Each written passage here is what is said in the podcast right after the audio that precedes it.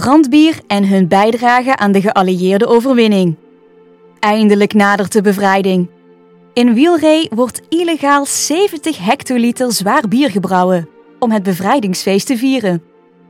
Maar helaas, met de terugtocht van de Duitse troepen verplaatst het gevecht zich naar deze omgeving. Opeens staat het binnenplein van de brandbrouwerij vol met Duitse legervoertuigen. Er wordt niet meer gewerkt. Alleen machinist Dreesen blijft stiekem achter om de paarden te verzorgen.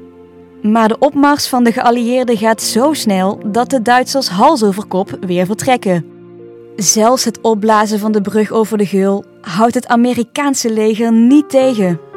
Na een week is de toestand in Gulpen gestabiliseerd. De werkzaamheden worden hervat.